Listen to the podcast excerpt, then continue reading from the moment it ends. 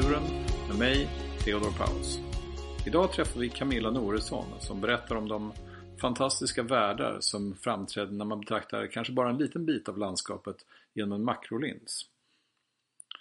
Kom ihåg, den här podden är ju för er, alla som ni som fotograferar själva eller är nyfikna på de som gör det. Ta gärna kontakt med mig på sociala medier och berätta vad ni tycker och vad ni vill höra. Kanske tipsa om andra fotografer som kan vara med i kommande avsnitt. Jag finns på Facebook och på Instagram. Det finns också en Facebookgrupp för podden där jag berättar om kommande gäster och där samtalet fortsätter mellan avsnitten.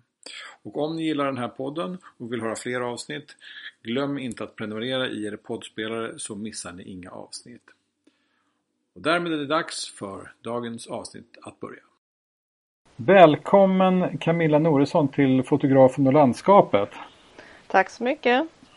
Vad roligt att du kan ta dig tid att uh, vara med och prata med mig och de som vill lyssna på det här samtalet om ja, hur du fotograferar och dina, dina bilder. Jag har ju aldrig träffat dig och uh, det är första gången vi pratas vid men jag har sett dina väldigt fina bilder uh, på din hemsida och jag stötte väl första gången på dig på eh, Instagram tror jag. Eh, mm. Det är där man möts nu för tiden. Ja, um, men för, för mig och för de som inte vet um, kan inte du berätta lite grann om, om, om, om vem du är?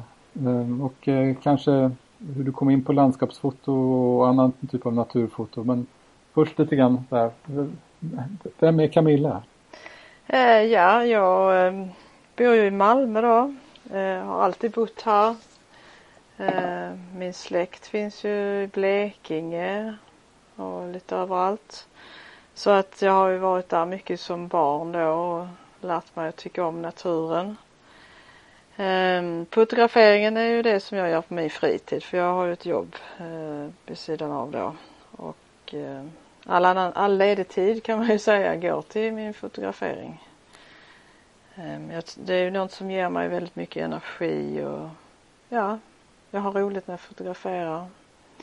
Och intresset har väl funnits kanske väldigt länge egentligen. Jag hade en analog systemkamera på 90-talet.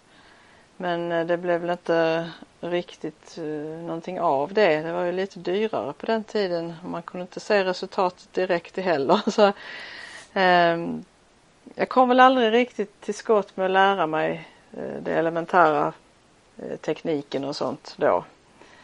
Eh, sen kom ju de digitala små kompaktkamerorna och det var ju himla käckt att kunna stoppa en sån i fickan bara. Den vägde ju mycket mindre.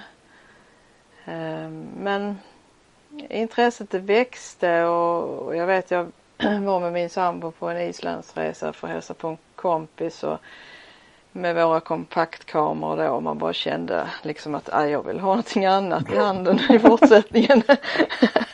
Eh, så att då köpte vi en digital systemkamera då eh, och lite objektiv och hade väl en förhoppning. Min sambos intresse för fotografering hade också vaknat så eh, men vi trodde vi skulle klara oss med en men det gick inte så bra då.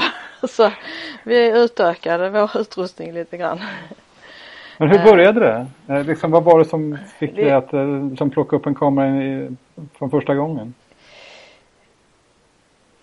Ja, jag har bara varit, allt, alltid varit intresserad av fotografering och en gång på 90-talet där under ungefär en och en halvt, ett och ett halvt års tid så jobbade jag som kopist på en reklamfirma och där var en labbchef som var fotograf också.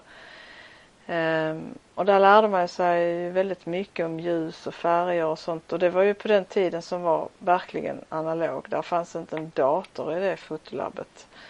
Uh, vi hade en förstoringsapparat som gick på räls på golvet och gjorde bilder som var ja, två och en halv meter höga kanske och fyra meter breda. Okej. Okay. Och eh, de här fotopappersrullarna det var ju liksom verkliga rullar som var 50 meter på och man eh, fick ju då klippa och klistra och mäta så att ljuset täckte hela bildytan och så det blev en bra förstoring. Och för, för alla ungdomar där ute, liksom en, en kopiist det är den som liksom gör bilderna i ett labb. Ja precis. Mm. När du har tagit din bild, du har ett negativ och så sätter du in det i en förstoringsapparat. Eh, som då belyser en vägg med eh, ja, fotopapper då som är ljuskänsligt. Och sen eh, körde man igenom det i tankar då eh, med valsar så det, som framkallade bilden då. Och sen då när man, eh, man gjorde färgprov först och sen fick man ju stå där och se, eh, titta i det vita och i det svarta och det gråa liksom. Eh, om kontraster var bra, om färgerna var bra. Och, så stod man med manuella filter och höll för lite, om det såg för gult ut så höll man för lite blått. Ja då är det plus 10 blått kanske och så gick man in till förstoringsapparaten och, och skruvade lite på rattarna där och så eh, höll man på så det kunde ta en halv dag att få fram en, en eh, bra eh, förstoring innan man vågar köra upp den ordentligt. Så, så du jobbade i mörkrum innan du hade en systemkamera? Ja. ja okay. det är en lite ovanlig ingång får jag säga. Det är ja. roligt. Ja. Mm. Men eh, i och med att eh, man jobbar med en fotograf så pratar man mycket foto också och det, det är klart intresset fanns väl någonstans där från början men eh, det var någonting, som fick, dig söka, det var någonting som fick dig att söka det jobbet?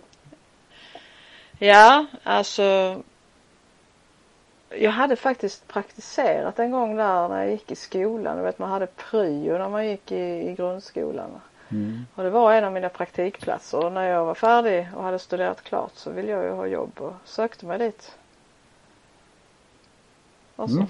så gick det den vägen och det här intresset ökade ju då. Och 2008 2008, det var då vi köpte den första systemkameran och då tog det fart. Och sen har det bara växt.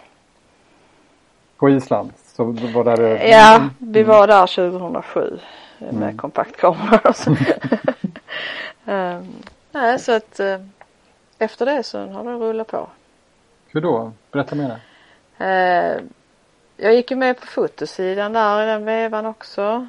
Um, om man börjar prata med folk där och det blir mycket man ska ge bildkritik till varandras bilder där och så. Man börjar lära sig de här elementära reglerna om kompositionsregler och allt sånt. Och fick tips och ja. Eh, det var lite det som var min skola skulle man kunna säga. Fotosidan? Ja. Den och de eh, inställningar, eller förprogrammerade inställningarna i kompaktkamerorna som visade liksom att vill du ta eh, bild på lite släpande vatten så ska du ha det här mm. inställningen då för då är det lång slutartid. Man börjar lära sig, för jag har aldrig gått någon fotoutbildning så.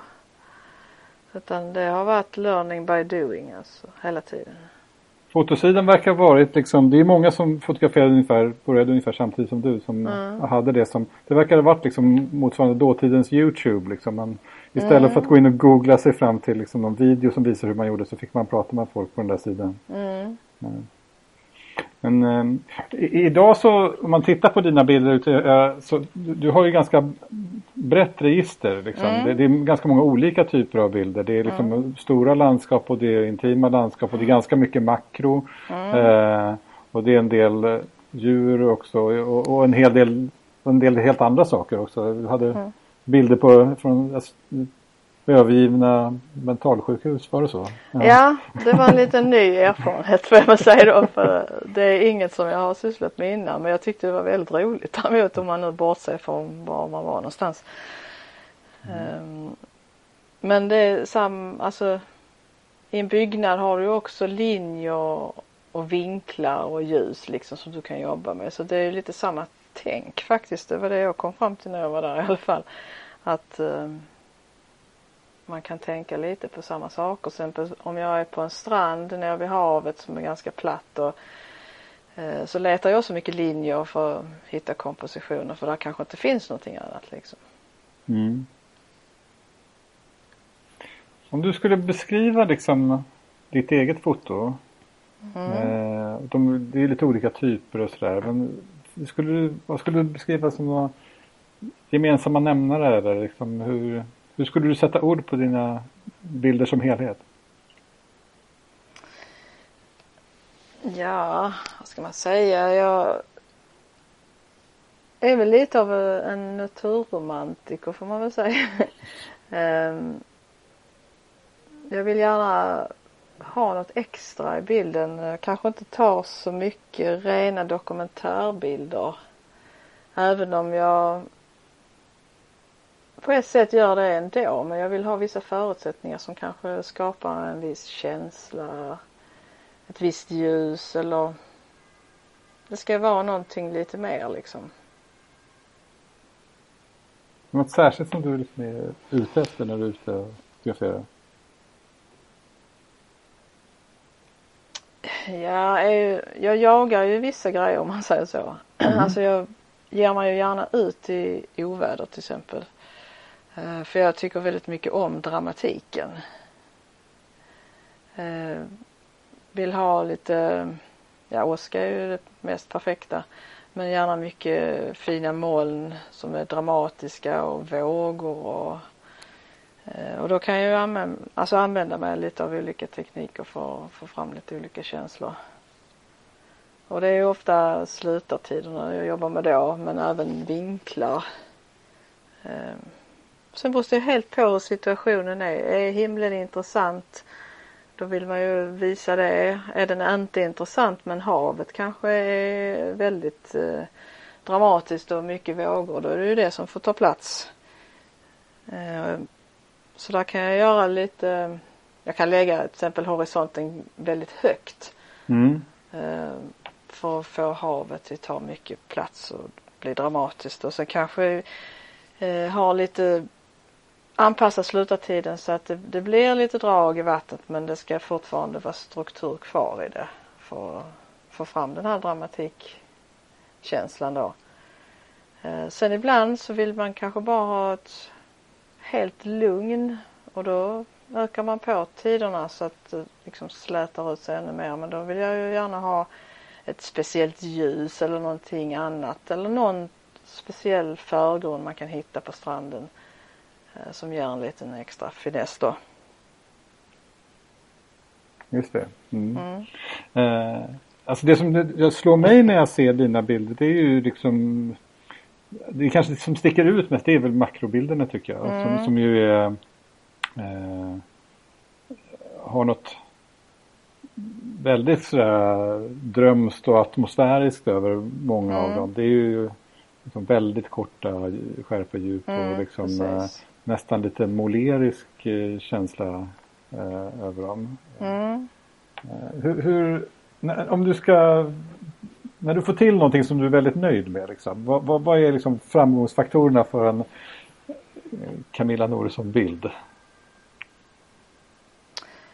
Och jag har alltid så svårt att beskriva sånt.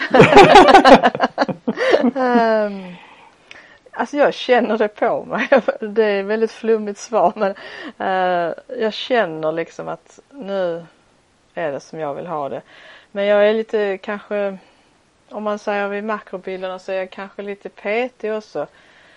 eh det, jag tittar mycket på linjer i kanterna, hörnorna och det gör jag även i landskapsbilder. Det får liksom inte vara något dominant som faller in så att det tar fokusen från Eh, Eh, motivet då.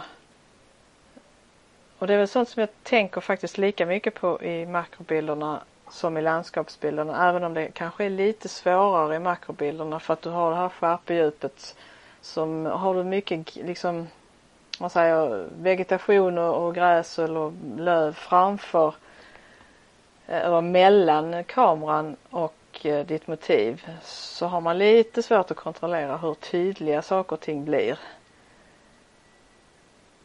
Och då kanske man bara får ändra vinkeln lite grann eller så här. Men jag tänker väldigt mycket på sånt när jag fotograferar. Och när jag tycker att jag har fått till alla de grejerna bra, jag har ett, en fin komposition och ibland kanske till och med tänjer på gränsen på vad regelverket liksom säger. Eh, och komponerar lite utanför eller så. Eh, det internationella då, makroregelverket. Ja men du har ju tredjedelsreglerna och sånt som ja, Jag skojar bara men ja. de vanliga kompositionsreglerna tänker du? Ja, ja, ja mm. precis. Mm. Um, men uh, ja, alltså jag jobbar ju mycket med det och när jag känner att jag har fått allt det på plats och jag känner också att jag har ljuset på rätt ställe och molnen kanske på rätt ställe och allt sånt där. Då, då känns det bra. Då känner jag att jag har tagit en bra bild. Mm. Eh, och det är kanske det, jag är väldigt envis och väldigt petig. Och det är lite som passerar det filtret kan jag säga. Eh, man tar ju en del bilder men det är inte mycket som passerar mitt nålsöga. Du är självkritisk? Ja, fruktansvärt. och jag ger inte upp för jag har det. Men det är skönt att vara, om, om man har självkritik så är det bra att vara envis också för att då kan man ju liksom kompensera det lite grann. Ja, Det är jobbigt om man är självkritisk och inte så envis. Då Nej, blir det ju ingenting. Då blir det ingenting som blir bra. Men eh, kan du, hur- går det till då? Liksom, eh, eh, är du en sån som förbereder länge och går ut när det är speciella förutsättningar och, och sen så har du en jättetydlig bild av hur det ska gå till? Eller Både är, är, och är du, får jag nog säga. går du ut och ser vad som händer? Ofta. Men det är ju lite så här, det beror på vad, vad jag ska fotografera. Är man iväg på en resa kanske, då gör man ju lite, man läser på lite om platsen och tittar lite kanske på vad kan man förvänta sig att ta för bilder här och kanske blir lite inspirerad av andra och, och så man packar med sig rätt saker liksom och, och sen när man väl är där så försöker man ju att hitta sin grej ändå alltså. Men eh, man vill veta mer. Man vill ju, men man kan ju inte åka iväg och, till Ramsvikslandet med ett makro. Jo, man kan men det kanske inte blir en landskapsbild eh, som man kanske åker dit för liksom. Nej. Eh, så det är ju en del men ofta så, så är det så att jag Alltså fotograferingen är ju det som ger mig energi där jag kopplar av och mår bra och har roligt och så. Eh, och en resa kanske man inte gör så ofta. Men jag är ju ute varenda vecka och fotograferar. Det är du? Ja, varenda vecka i stort sett. Eh, och det betyder att jag det är mycket i min hemmamiljö. Eh, och eftersom man, man favoriserar vissa eh, oväder till exempel så jag har alltid min utrustning redo. Så jag behöver bara hem efter jobbet ta den och sticka ut. Och då är det ju inte så planerat så men jag har det redo. Så jag kan fånga så många tillfällen jag kan liksom. Just det. Är det viktigt för dig med tider på, på dygnet och sådär? Att det är liksom bara solnedgångsljus eller liksom hur? Jag antar att det, jag har inte fotograferat någon makro alls egentligen. Så jag vet Ja, inte men- riktigt hur reglerna är där. Men, men, men eh, många landskapsfotografer föredrar ju få, Ja, få, få timmar på dygnet. Ja så är det ju såklart. Eh, eh, Skulle jag säga beroende på väder då också. För att på vintern till exempel så är vi mycket nere vid kusten. Eh, och när Måkläppen har öppet så är vi mycket där ute. Och har jag en, en himmel med moln med lite struktur i som ofta får en väldigt blå ton där ute. Då kan jag vara ute hela dagen och fotografera. Det, kan Om det är bli- lite mulet. Ja. Ja, men det ska ju inte bara vara grått. eh, Utan det ska ju, jag vill i alla fall att det gärna ska hända någonting i himlen också. Eh, Men annars är ju morgon och kvällsljus eh, väldigt bra. Jag har va- varit väldigt mycket ute i blå timmen på kvällen. Vid kusten också. ja. Så jag brukar ju, ja, jag åker hem när det är mörkt. När slutartiderna går över tre- 30 sekunder liksom, då, då, Au, nej nu, då är jag kvar. då är du kvar. Jag kan nog vara uppe på ett par minuter innan jag är upp. Ja, då är det ganska mörkt. Mm. Ja, ja, ja, ja, ja, det där ska jag öva på. Jag tycker Ja. ofta, det ofta, ofta när det blir sådär långa tider då liksom då får jag inte till någon skärpa överhuvudtaget. då ser det bara, jag, jag fotograferar ju med eh, digital sökare. Mm. Jag, jag har Sony. Så det är liksom, då blir det väldigt, väldigt konigt när det är sådär Mm. mörkt. Liksom. Då, Mm. då får man nästan sätta skärpan på känn. Ja, alltså jag sätter nog väldigt mycket manuellt faktiskt. Mm. När det blir så mörkt i alla fall. Ja. Man kan ju ha något i förgrunden som man lyser upp med en- en ficklampa så att du kan ställa skärpan på det. ja, det är ett knep. Ja.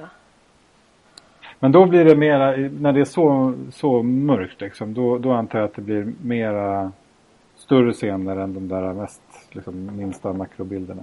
Ja, ja, ja det blir det. Det blir stora landskap om man säger så. Vad är det roligaste då? Av, av de olika, det är väl lite allt möjligt kanske antar jag. Men vad är det roligaste? Alltså jag har ju alltid roligt vad jag än fotograferar för det är liksom därför man håller på med det. Men äh, det finns ju klart saker jag favoriserar och makro är ju väldigt högt uppe på listan. Men strax efter så kommer ju landskapen. Eh, abstrakta bilder är väl för att man leker och har skoj. Eh, djur och fåglar och, och sånt eh, är väl för att min sambo han också fotograferar och har hållit på mycket med, med fåglar och det smittar av sig. Man är inne på varandras områden och trampar lite så. Eh, så jag Ja, jag tycker det är lika kul med allting men makro och landskap är det som är favoriterna. Är ni, arbetar ni liksom tillsammans eller är ni liksom eh, Ja, vi kan åka ut tillsammans. Um, men det, sen kanske vi försvinner på varsitt håll i skogen. och så får vi leta upp varandra sen. ja. Um, jag menar till skillnad från många andra liksom, saker som jag håller på med tidigare för så, så är ju det här med foto ofta ganska individuellt. Man kan, det är det där som du beskriver att man, man kanske kan vara flera som åker ut men ofta så, så blir man ändå själv med sitt sina, sina bilder och sin process liksom och så kanske mm. man slutar upp tidigare. Eh. Jag tycker alltså jag har väl med tiden lärt mig att åka ut i en grupp så är det jättetrevligt och man byter erfarenheter och man lär sig av varandra och så här. Och, eh, men jag sätter inte så stora krav på mig själv att prestera då. Eh, jag fotograferar som allra bäst när jag går själv. Ja, det blir mer socialt när du är med andra. Ja. ja. Och jag har liksom sänkt ribban där också för att jag blir så besviken när jag inte kommer hem med någon, liksom, någon riktigt det jag har velat eh, nå fram till. Ehm, jag kanske inte kan koncentrera mig så bra när jag är i grupp, jag vet inte. Men har du liksom också så att du jobbar med några särskilda projekt liksom? Eh, eh, eller är det liksom en ständig process med lite olika saker eller jobbar du mot liksom nu ska jag Nej, jag har väl inte varit så himla driven i projekt faktiskt. Eh, men det kommer kanske. Man går ju och tänker på saker ibland men eh, det är ju lite det här med fotograferingen har väl fått upp ögonen för mig också kan man säga vad som händer runt omkring i naturen och hur vi människor eh, beter oss i naturen som inte alltid är så positivt. Ehm, och där känner jag väl att man kanske borde göra mer. Eftersom jag, om man nu ser på mina makrobilder så är de ofta väldigt, ja de är ju naturromantiska liksom men eh de kanske inte är så de ger en liten skev bild av hur det faktiskt kan vara eh, i naturen. Och där känner jag väl eh, kanske att man borde gjort någonting mer. Hur då tänker du? Vad, vad skulle man Nej men alltså mera eh, man är ju ute, man ser ju liksom hur det ser ut eh, ibland och varför inte ta bild på det liksom? när det är liksom förstörd natur mm. eller liksom mm. natur med ingrepp och, så? Ja, och, ja det ligger ju sopor överallt och ja. Det där är väl en sak som har växt fram i mitt huvud lite grann men jag vet inte riktigt vad jag ska bli av den. Ja. Jag, hade ett samtal på inspelning här för ett tag sedan med Hans Strand mm. som ju har uh, fotograferat um, uh, bilder från luften av, eh, mm. av liksom natur som människan har gjort ingrepp i. En del är bara... Ja, just det. Jag har sett dem. Ja, precis. En del är ju bara liksom jordbrukslandskap och mönster och så. Men, men en del är liksom också av, av liksom föroreningar och, mm. och sådär. Eh, så det, det, går ju att adressera liksom mm. Eh, eller pro, använda fotot för att problematisera också. Mm. Eh, ofta så är min bild är att, att det är på något sätt lite grann kanske naturfotos uh, utmaning att den är ju ofta väldigt orienterad mot att det ska vara vackert. Liksom. Ja, uh, precis. Uh, att man liksom Se till att plocka bort ölburkarna som råkar ligga där man vill ta den där bilden. Ja. Städa lite i naturen innan man tar bilder liksom. Men jag har ju ett exempel, till exempel jag blev intervjuad för något år sedan av en student som gjorde ett uh, jättestort examensarbete om naturfotografens roll i naturen liksom. Mm. Och hon sa en intressant sak för att hon, hon var ju ute och tittade på Facebook till exempel i de här grupperna där det läggs upp bilder och allt möjligt och hon sa jag som inte liksom kanske är fågelexpert. Jag skulle ju kunna tro att det är mer vanligt med en kungsfiskare än en gråsparv. Eller en pilfink. Ja. Och det stämmer Det är ju liksom bara de mest exotiska arterna som syns ganska ofta. Eh, så man kan ju nästan få, alltså en som inte är naturintresserad eller som är insatt i ämnet kan ju få känslan av eller eh, att, ja, att de är mest vanliga för det är bara de som syns. Ja. Och det där har, har etsat sig fast i mitt huvud lite grann. Men känner du att du har någon slags ansvar liksom, som fotograf att liksom, dokumentera på något annat sätt? Eller ge en ärlig bild av hur naturen ser ut? Eller? Ärlig bild definitivt. Eh, det vill man ju liksom att det ska vara. Sen hur dokumentär den är, det är ju det man kan ibland fundera på. Men jag, jag vill ju samtidigt att det ska vara en fin bild så jag har väl inte riktigt format de tankarna ännu. Um. Men vad lägger du i en ärlig bild då? Vad, vad, vad betyder det för dig? Uh, ja, alltså det är ju en bild som visar det jag ser. Jag lägger inte liksom till någonting i efterhand eller manipulerar dem på något sätt eller så. Jag ska visa det som jag ser liksom. Lite behandlade är de väl? Den är fram, de, de är Det är inte råfilen ja. rakt av? Nej, jag fotograferar ju i, i rå såklart. Eh, och så att framkalla dem måste man ju göra ju. Mm. Däremot är jag lite anti den här eh, man säger att du ska inte göra mer än vad du gjorde i det analoga fotolabbet. Men där vet jag precis vad man kan göra så jag skulle inte vilja säga det. ja, behandlar du, lägger du mer eller mindre tid på dina egna bilder nu än på de som framkallade och kopierade åt andra när det begav sig? Ja, det, det, så, det var så olika. Jag kan inte jämföra kopistrollen med framkallningen i datorn riktigt därför det var så olika eh, arbetsflöde och och så. Det tog ju lång tid att göra en förstoring men det tog ju inte lång tid att framkalla ett negativ. Nej. Men äh, ja, jag försöker ju inte lägga för mycket tid vid datorn. Det gör jag inte. Jag vill hellre vara ute. Ja. Skulle du säga att du liksom är en naturperson i första hand som, eller är du en fotoperson i första hand? Nej, jag är nog natur person i första hand. Någon Eftersom jag alltid har liksom tyckt om att vara i naturen och långt innan jag överhuvudtaget började med foto det var man ute och campa och tälta och fiska och man var alltid ute.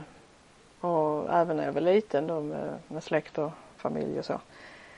Ehm, det har ju alltid funnits med och sen har jag och min sambo hållit på med bärnstensletning i över 30 år också. Bärnsten? Ja. Eh, vid stränderna då. På Falsterbonäset. Okej. Okay. Är det svårt att hitta? Eh, finns det mycket bärnsten? Ja det kan vara lite svårt, så kan det vara. Men det är som där med allt annat man måste kunna det man gör lite grann. Det finns ju bättre och sämre förutsättningar om man säger så. Ja, det, är för, för mig helt, helt uh, ny materia men uh, mm. Har du tagit bilder på det också? Nej. Ja det har jag faktiskt eh, eftersom vi har hittat, ja framförallt min sambo har hittat en del insekter i de här stenarna och han slipar ju och, och arbetar med dem också. Så har han ju slipat så att man får liksom ett fönster in i, i stenen så man kan se insekterna. Och det, har ju, det var ju faktiskt det som lärde mig att fotografera makro. Eh, att jag jättegärna ville ta bilder på de sakerna han gjorde och insekterna och sånt. Det som var inne i bärnstenen? Ja. Och då var då jag började liksom Ja, jag köpte ju ett, ett riktigt makroobjektiv då när jag köpte systemkamera. Där lärde man sig om skärpedjup. Det är lite som om man tänker att man fryser in någonting i en isbit och så försöker man fotografera det. Eh, det är inte så lätt.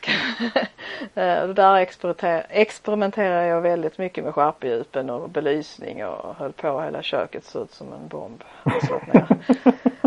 Eh, så det var lite de som satte fart på kunskapen i det ämnet faktiskt. Så dina första makrobilder var inte på växter utan det var på liksom ja, ins insekter fångade i bärnsten? Ja, framförallt en myra kan jag då säga. En myra? Ja. Så var det. Det var där det började. Men visst, det var ju lite parallellt med blommorna i föräldrarnas trädgård och så. Ja. Men om man tänker liksom så här från det att du köpte den här första kameran då. Liksom, mm. Skulle du säga att din liksom, utveckling som fotograf liksom, går att se några faser i den? Liksom? Ja, på ryggsäcken så känns det i alla fall som att den blivit lite mer avancerad. den har ju ökat i vikt. Men äh, Alltså i början så experimenterar man ju väldigt mycket. Alltså jag har ju inte haft någon traditionell utbildning där man har gått i olika steg och nu ska du göra detta och, och så här. Utan jag har ju bara liksom hejvilt eh, tryckt på knappen kan man ju säga för det var ju Man såg resultatet direkt. Eh, man såg vad man gillar och inte gillar och eh, ja, det kostar ju ingenting att skicka in filmrullar och det var bara att köra på. Men när man kände liksom att man hade en, en klockren bild så kanske man inte i början kunde förklara vad det var som gjorde att den blev bra. Jag, jag kan knappt det nu men eh, eh, man övar och övning ger ju färdighet eh, och sen eh, utbyter man ju erfarenhet och man läste ju tidningar, artiklar och tips och tricks Eh, så nu har man ju lärt sig olika tekniker och man har ju också lärt sig själv vilka resultat man tycker om och vilken teknik man har använt då. Mm. Eh, så att det blir kanske inte lika många bilder på en tur idag som det blev förr. Däremot så betyder inte det att det blir färre som jag är nöjd med. Nej. Hur många blir det? På en kväll? Eller? Det är jätte, jag vet inte, det beror ju helt och hållet på vad jag är ute på för turer. Men äh, ja, jag, ja, 200-300 kanske. Ja, det är ändå så många. På en hel dag. Ja. Men då är det kanske mer makro vi pratar. Mm. Men jag kan mycket väl åka ut en kväll till havet och ta kanske 30 bilder bara. Ja.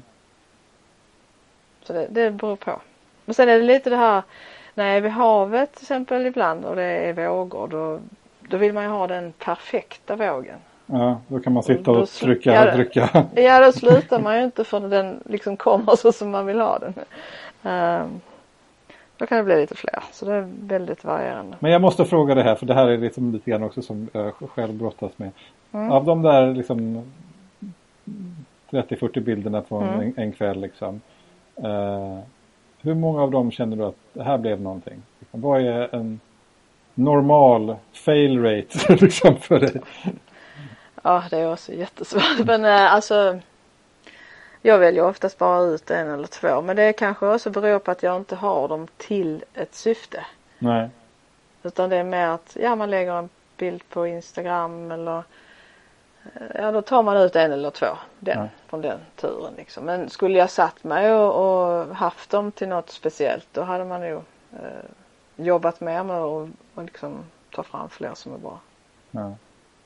Nej, för det, det, det, där, nu har du hållit på mycket längre än vad jag har gjort men, mm. men ähm, jag känner ofta att jag, jag kommer också hem ungefär med lika många bilder från en, en äh, om jag har varit ute en dag liksom. Mm. Äh, men det är ofta som jag känner att det är väldigt få som är någonting jag ens jobbar vidare med. Mm. och um, jag var uppe i no några Upplandskusten i Hållnäs här i helgen. Eh, och fotograferade vid flera tillfällen. Jag tror att det var en eller två bilder som jag kände var någonting att ha. Men mm. jag har någon slags idé om att när man blir bättre då, då blir man då, då liksom får man till allting lite oftare. Man kan veta när man kommer till en plats att jag kommer komma hem åtminstone några som är bra härifrån. Mm. Men jag misstänker att det är så att samtidigt som man blir bättre så blir man också höjer man kraven på vad som är en bra bild. Så man kanske inte kommer hem med fler bra bilder i alla fall. Eller bra bilder för andra men för sig själv så är de inte tillräckligt bra. Känner, Nej det ligger nog mycket i sig själv skulle jag hålla med om. äh, där är den självkritiska sidan väldigt styrande får jag nu säga. Eller har det blivit så att du känner att du kommer hem med fler bra bilder nu än vad du gjorde förut? Jag tror det, det hänger väldigt mycket ihop med vad jag har förväntat mig när jag åker ut. Um, för, alltså om jag till exempel ser att ett oväder är på väg in Eh, och jag förväntar mig kanske eller jag hoppas på att komma hem med liksom en kanonblixt eller någonting sånt och jag ser ju liksom att där är förutsättningar. Eh, men sen kanske jag inte sätter den som jag har sett framför mig när jag har åkt ut då kommer jag hem med inga bra bilder fast att jag kanske har fångat en blixt men då är det inte, duger det inte till mig. Därför att det lever inte upp till mina egna förväntningar. Eh, och då, ja, då gör jag ett nytt försök nästa gång helt enkelt. Men det låter som att då kan det finnas andra gånger när du liksom inte har lika stora förväntningar och då kan bli översköljd av bra bilder som du inte hade ja. förväntat dig. Ja. Jag tror att jag lägger ribban uh, olika. Lite så här. Alltså jag lägger förväntningarna själv. Ja. Andra kanske tycker det är suveränt men uh, lever inte bilden upp till de förväntningar jag har när jag åker ut uh, så hamnar den nog i mapp någonstans. Men sen betyder inte det att inte jag om ett halvår kanske tittar där igen och då tycker att ja men herregud det var ju helt suverän. Så, så, kan, så kan ditt arbetsflöde också se ut? Att du liksom låter ligga, bilder ligga och marinera i en mapp liksom? Och sen så det kan, kan de komma... få göra ja. Ibland. Ibland går jag tillbaka och tittar vad det har gett liksom. Blir de... Um...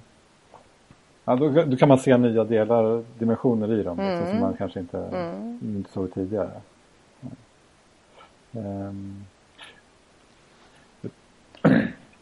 Um, jag tänkte, um, visst är det så att du blev invald i Naturfotograferna uh, vid senaste tillfället? Mm. Uh, grattis, vad roligt Tack. var det. Men uh, jag tänkte, var, var det någonting liksom som du hade jobbat mot uh, över tid? Liksom, eller, var det viktigt för dig? Alltså från början har jag inte jobbat mot det som ett liksom, aktivt mål alls. Utan det är väl någonting som har växt fram parallellt med alltså den här medvetenheten om naturen som jag har fått. Ehm, så det var liksom för mig ett steg i rätt riktning som gav en ytterligare dimension till mitt fotograferande. Kan du utveckla det lite grann? Um, ja, alltså att komma med i en förening som står för ett eh, naturengagemang och som verkar för god fotoetik. Det har ju blivit en, en, eh, viktig sak för mig. Och då är det klart att man söker sig till det man tycker är viktigt och rätt. Mm.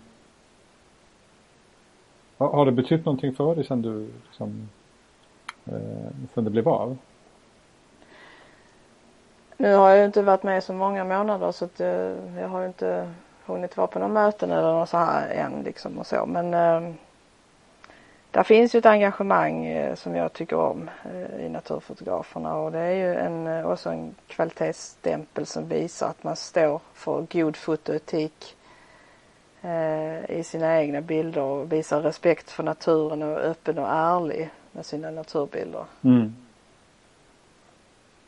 Jag, jag, tänker lite grann på det för det finns ju lite olika liksom, föreningar. Du är ju med den här Fotonatura också. Mm. Som, om jag har förstått det rätt så verkar jag kan inte riktigt det här men den är lokal i, i, i Skånetrakten. Ja, eh, och det är väl också som jag har förstått det som en lite mer eh, inkluderande, på att säga, grupp. Att det är liksom eh, naturfotograferna verkar vara väldigt eh, noggranna och ställa höga krav på de som ska vara med. Och så finns det lite olika andra grupper. Jag vet inte riktigt hur Fotonatura är där. Men, ja. ja vi har ju också inval, det har vi ju. Eh, men alltså det som skiljer åt tror jag är att Fotonatura, vi träffas eh, oftare eftersom vi är mer lokala så har vi möjlighet att göra det. Mm.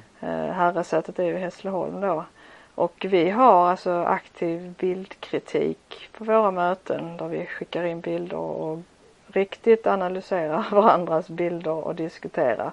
Och det är ju otroligt uh, utvecklande faktiskt. Ja. Så det, de, alltså föreningarna verkar lite på, på olika sätt på det sättet. Um, och sen har ju båda föreningarna gemensamma aktiviteter såklart så. Men uh, just det här att uh, Fotonatura är mer lokalt och att vi har möjlighet att träffas en gång i månaden. Så. Ja, som har ett gemensamt program som handlar om att ta bilder tillsammans också. Det... Vi gör ju resor också ja. ja. Mm. Men det kanske, ja vi har väl inte kanske satt något mål så men eh, ja alltså det handlar ju mycket om utbyte eh, av kunskaper och sånt och det är utvecklande. Mm många olika stilar också. Man blir inspirerad av varandra och så. Ja, vad, vad, känner du dig mest inspirerad av nu? Liksom om du tänker på saker som du känner att du kan ta ditt foto åt något annat håll. Alltså det som jag har hållit på med nu i, ja vad ska man säga, ett och ett halvt år kanske. Det är sådana här gamla objektiv. Eh. Gamla objektiv?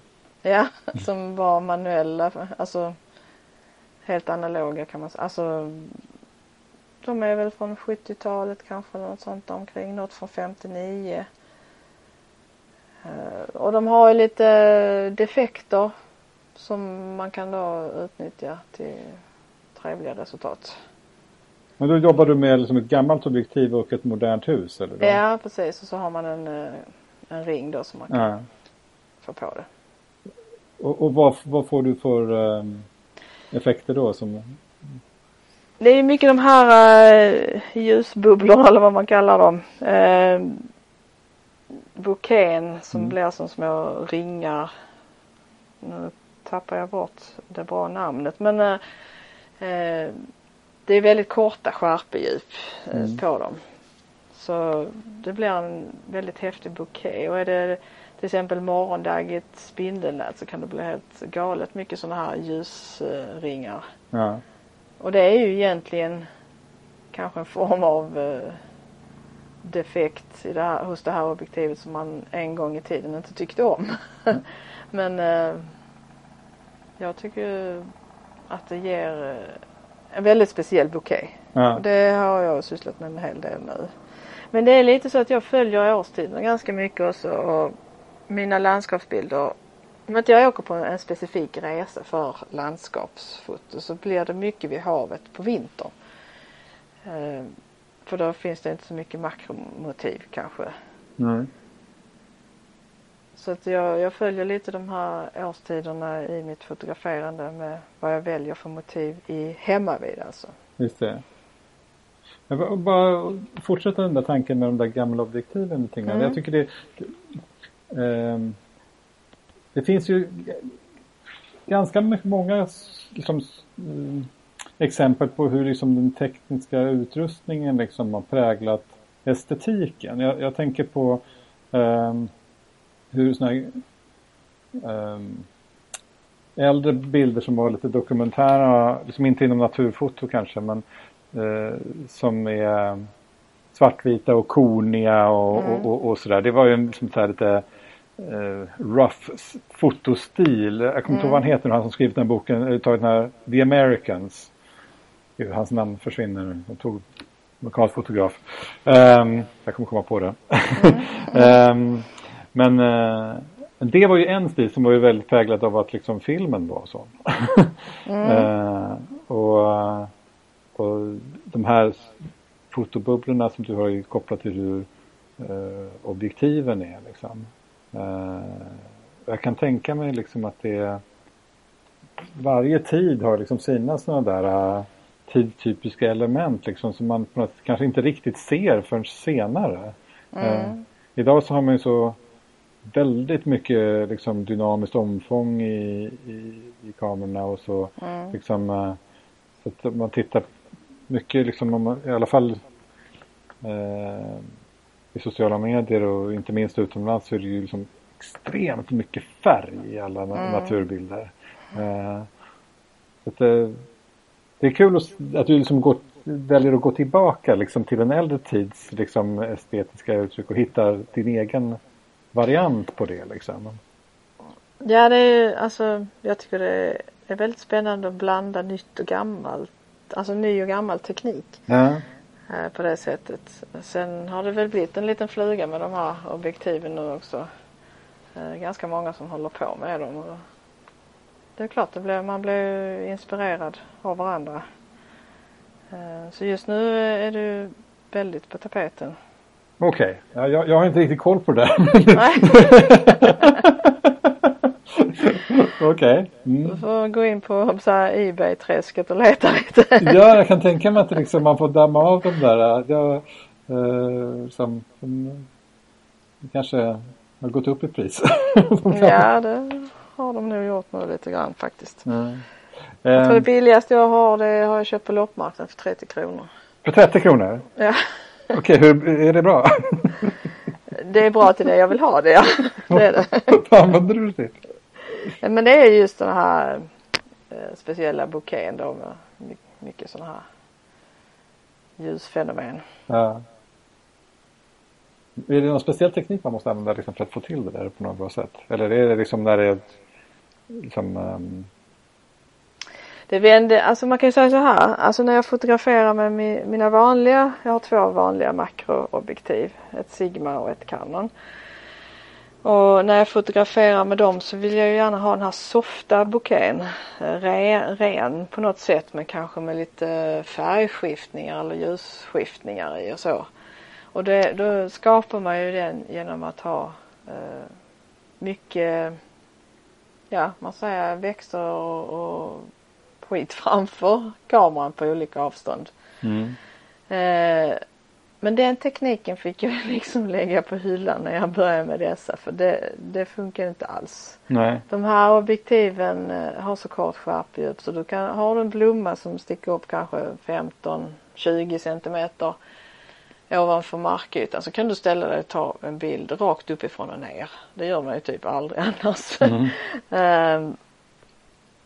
Och då blir det, kan liksom marken om det ligger löv eller snöfläckar eller någonting, skugga eller ljus, alltså allting som skapar lite kontrast och skiftningar.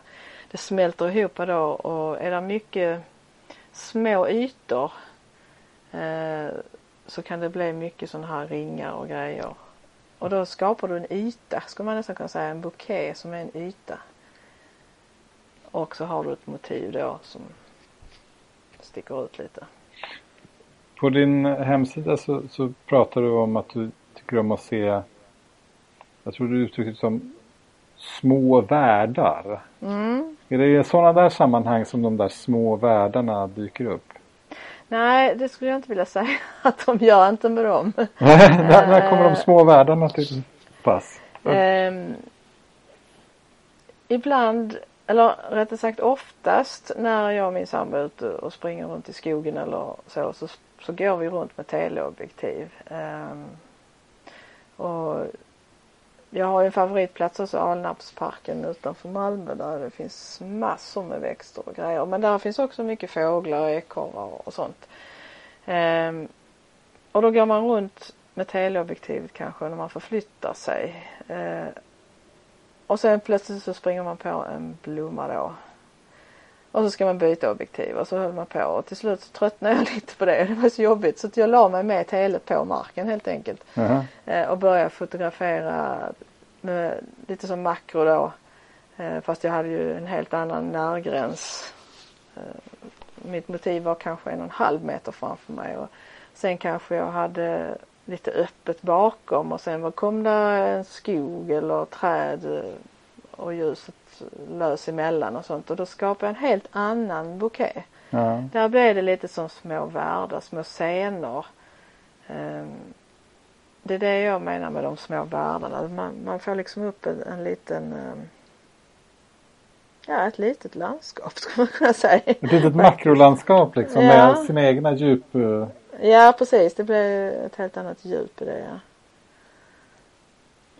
Det där är rätt spännande tycker jag liksom på något sätt för varje fotograf som eh, går genom naturen liksom. Om man inte tar den mest helt uppenbara bilden som på något sätt är bara visar precis hur det såg ut där och då. Liksom. Så mm. är ju varje landskapsbild och kanske än mer så makrobilden det är ett utsnitt liksom. Det är ett, det är ett mm. urval liksom, av mm. vad man ska titta på. Liksom. Och ibland så kan det där urvalet vara väldigt annorlunda än den känslan som var när man var där och då. Ibland när man har varit med andra och fotograferat så säger jag okej, okay, det där såg du liksom. Det, det var något mm. helt annat än vad vad jag såg. Jag kan tänka mig om jag hade stått bredvid dig där och gått runt medan du låg där med ditt makro så mm. hade jag inte sett den där världen överhuvudtaget. den hade ju varit någonting helt annat än det som jag hade. Så att, äh. Men det är väl det som är det roliga, eller på säga att det finns så mycket variation på en plats så att alla kan hitta något eget. Ja, alltså jag tycker alltid att det är kul när man är på en plats som, som har den variationen. Mm. Alltså de, eh, och ibland så blir det ju så att vissa platser är ju sådär som man känner att det finns ett, en uppenbar bild. Liksom, att det, här har vi den här stora vyn och så tittar man på det på det här sättet. Det känns naturligt att ta bilden på det sättet. Liksom. Eh, mm. Men de platserna är ju ofta, tycker jag, att det blir lite trist liksom. Eh, mm jo, roligare när man kan komma till en plats så kan man ta många olika bilder på samma plats och man kanske kan komma tillbaka till den platsen och ta ytterligare andra bilder. Liksom. Ehm, jag antar att om man tittar ner i växtligheten och på väldigt små makrobilder då måste det finnas oändligt med bilder. Liksom. Det är en helt annan, alltså en kvadratmeter kan vara som ett universum skulle jag säga det öppnar väldigt mycket mer när man tittar i ett makroobjektiv. Vad är det du söker man... efter? Jag söker mycket efter detaljer. Mm. Ehm, jag vet en, gång när, när man säger landskap, det du sa om man åker till platser, ikonlandskap. Så jag åkte till Ramsvikslandet en gång och det är ju ganska typiskt ikonlandskap för mm. svensk i Sverige då för Ja, jag har varit där och fotograferat också. Ja, för landskapsbilder då. Så tänkte jag, jag ska åka dit och så ska jag ta en bild som jag någon annan aldrig har tagit. Eh, och då tog jag med mig mitt eh, gamla östtyska eh, objektiv. Eh, och då hittade jag en sån här, eh, ja det hade legat vatten, en sån på en klippa. Och så var det, det är ju så salt vatten där och det hade torkat ut lite så det hade blivit såna här kristaller då, saltkristaller. Och så låg där en snäcka. Så tänkte jag, jag ska använda det objektivet för det var strålande solsken och det glittrade väldigt mycket i de här saltkristallerna. Så jag tog en bild med snäckan då som motivet och sen allt det här glittret som kom upp i bildytan och sen hade jag då eh, havet, ut mot havet så att det blev blått så att du fick havskänslan och så. Så tog jag en bild som jag absolut inte hade förväntat mig själv att ta vid Ramsvikslandet och det tycker jag är lite kul ja. att göra på det viset. Och det där låter ju också som det var en bild som på något sätt kombinerade liksom eh, både eh, landskaps bild liksom och eh, mera traditionell makrobild. Liksom. Ja, det, det är någon ja, slags vy också. Mm, precis. Det är ju väldigt kul när man kan hitta ja, det är nästan lite crossover mellan olika genrer liksom mm, inom, inom. Mm. Och det kan vara lite roligt att laborera på det viset. Ja. Eh, om du tittar liksom eh, på um, alla andra som tar landskapsfoto och naturfoto i Sverige, är det någonting som du känner dig särskilt inspirerad av, av vad andra gör idag? Mm. Alltså jag åker ju väldigt mycket på fotofestivaler och har gjort de senaste eh, fyra åren kan man väl säga. Eh, där ser man ju väldigt mycket bilder från nordiska eh, fotografer då så det är inte bara svenska. Eh, och ibland eh, även från andra länder så jag vet inte om jag kan säga liksom exakt vad det är som har inspirerat mig. Jag vet en gång så, så såg jag på en norsk fotograf som hade tagit, eh, jag vet inte om det var på Grönland tror jag, snöstorm och det var eh, fåglar som låg i snön och ja, jag tyckte de var så häftiga så och just det året så fick vi faktiskt lite snö i Malmö också. det är inte ofta men det händer. Eh, och då vet jag att jag låg på magen i Pildammsparken för måsarna de la sig och sova i snön. Eller jag vet inte om de såg men de la sig ner i snön. Eh, och då kunde jag få fram den här bouqueten som han hade haft i sina stormbilder då ungefär. Eh, och där, det var ju helt klart eh, något som jag hade blivit inspirerad av. Så det, jag kan inte jag snappar upp liksom saker sätter sig i minnet och det är kanske inte så att jag åker ut medvetet för att nu ska jag göra likadant utan när jag är vid ett tillfälle så kanske det här minnet ploppar upp och, och jag ser att jag har möjlighet att kunna göra någonting av det. Mm. Eh, oftast blir det ju helt i min egen liksom tanke då. Jag vill ju inte ta en kopia liksom. Nej. Men eh, det är klart att man inspireras av andra, det gör man ju. Nej, men ju fler bilder man har sett liksom, och har någonstans i sitt minne någonstans. Desto fler bilder kan man ju på något sätt använda som beståndsdelar i den egna kompositionen. Den ja, egna precis. som man gör liksom. Uh, jag, jag såg många bilder ifrån, ifrån Death Valley med, med alla de här uh, krackelerade leran som finns där och som skapar jättefina mönster. Liksom sådär. Och jag har aldrig varit där men däremot så var jag på en strandäng eh, söder om Stockholm här. Som, det var i vintras. Då, då var det liksom eh, det bildades liknande mönster liksom i sprucken is på den där strandängen. För det hade mm. frusit mm. och smält och, och frusit liksom igen. Sådär. Eh, så då, då kunde jag ta en bild liksom där man på något sätt Ja, det var ju en liknande komposition. Det var väl ungefär så som du beskrev nu. Att liksom, man hade någon bild i bakhuvudet så gjorde man någonting liknande fast i, en annan, i ett annat sammanhang och på ett annat mm. sätt. Liksom. Mm. Det, där är väl också ett sätt att... Är det någonting som du saknar hos svensk landskapsfoto som du skulle vilja se mer av? Eller som du tycker det här gör de fel eller är för lata eller borde... uh, alltså jag tycker det är en svår fråga men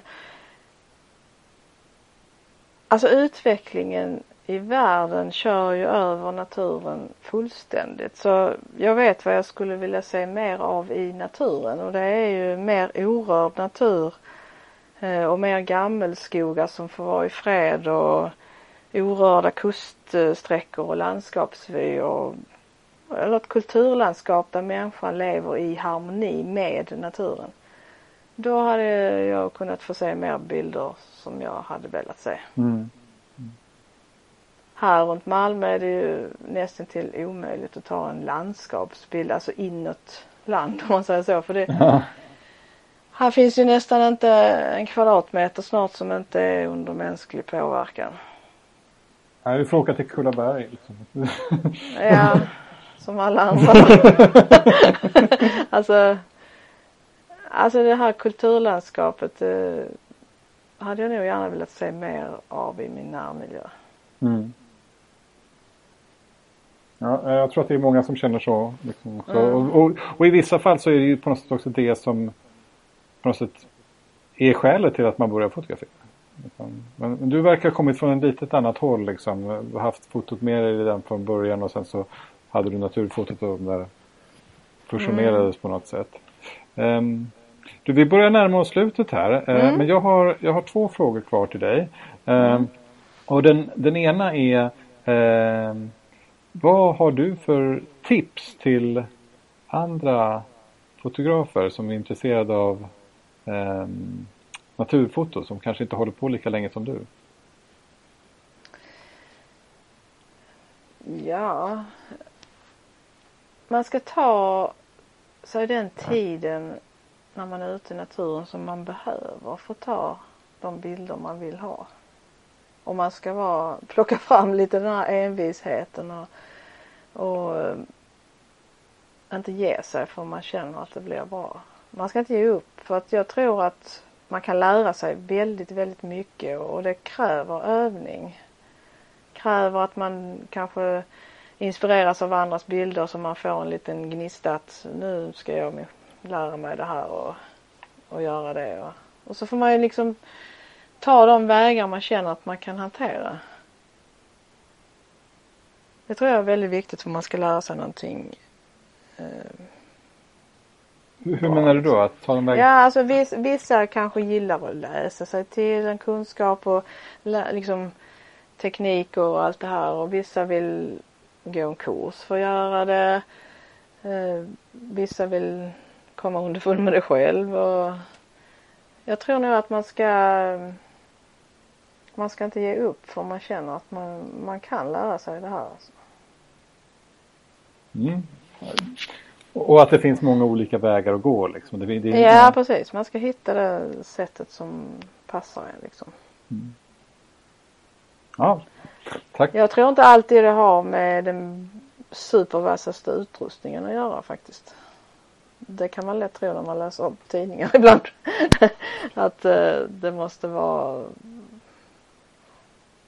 det bästa objektivet, det bästa kamerahuset. Jag tror mer man ska kanske, visst jag är jätteteknikintresserad själv. Jag tycker det är jättekul också. Men uh, jag tror man ska titta lite mer på de andra grejerna också. Bildseende till exempel och ja, det... lära sig mer, mycket om sånt också. Ja.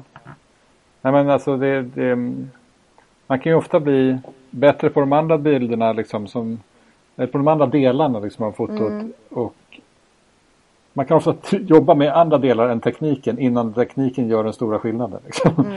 Ja. Där är det ju, har ju de här bildkvällarna som vi har på Fotonatura gett jättemycket när man diskuterar. Det är också bra att diskutera bilder. Mm. Ja, tack. Eh, mm.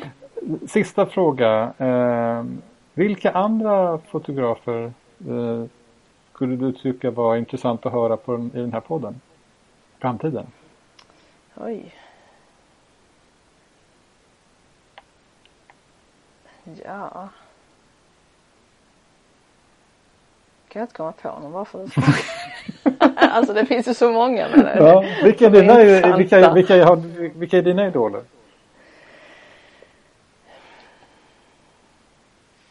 Alltså jag har ju många idoler såklart.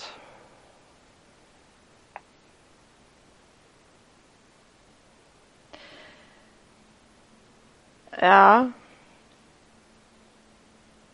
Jag vet faktiskt inte. Mm. Just nu står det helt still.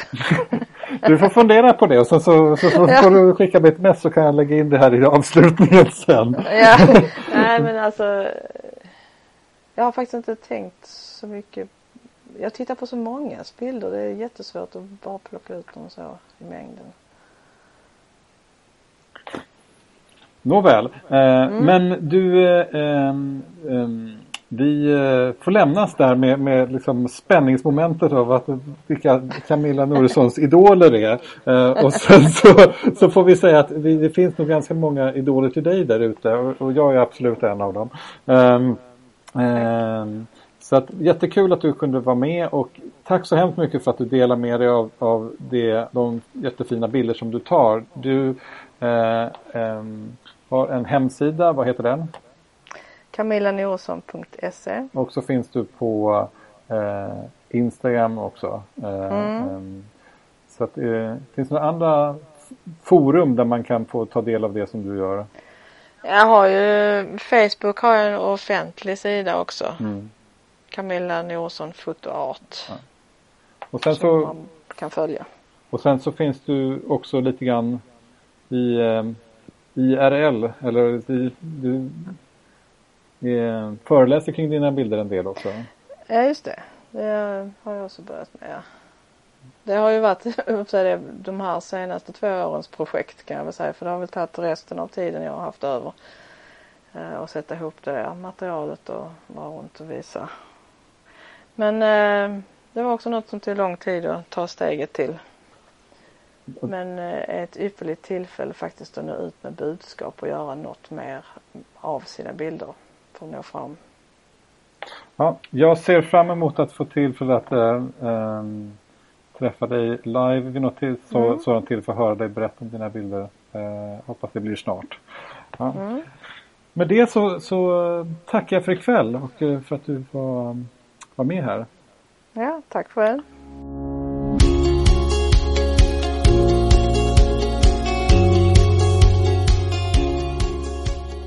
Tack till alla er som har lyssnat på detta avsnitt av Fotografen och landskapet.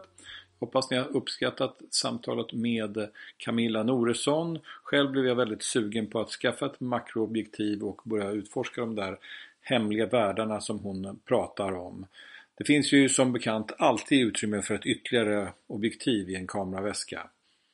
Gå gärna med i Facebookgruppen och fortsätt samtalet där. Jag eh, berättar om kommande gäster och eh, vi kan diskutera vad podden ska innehålla framöver.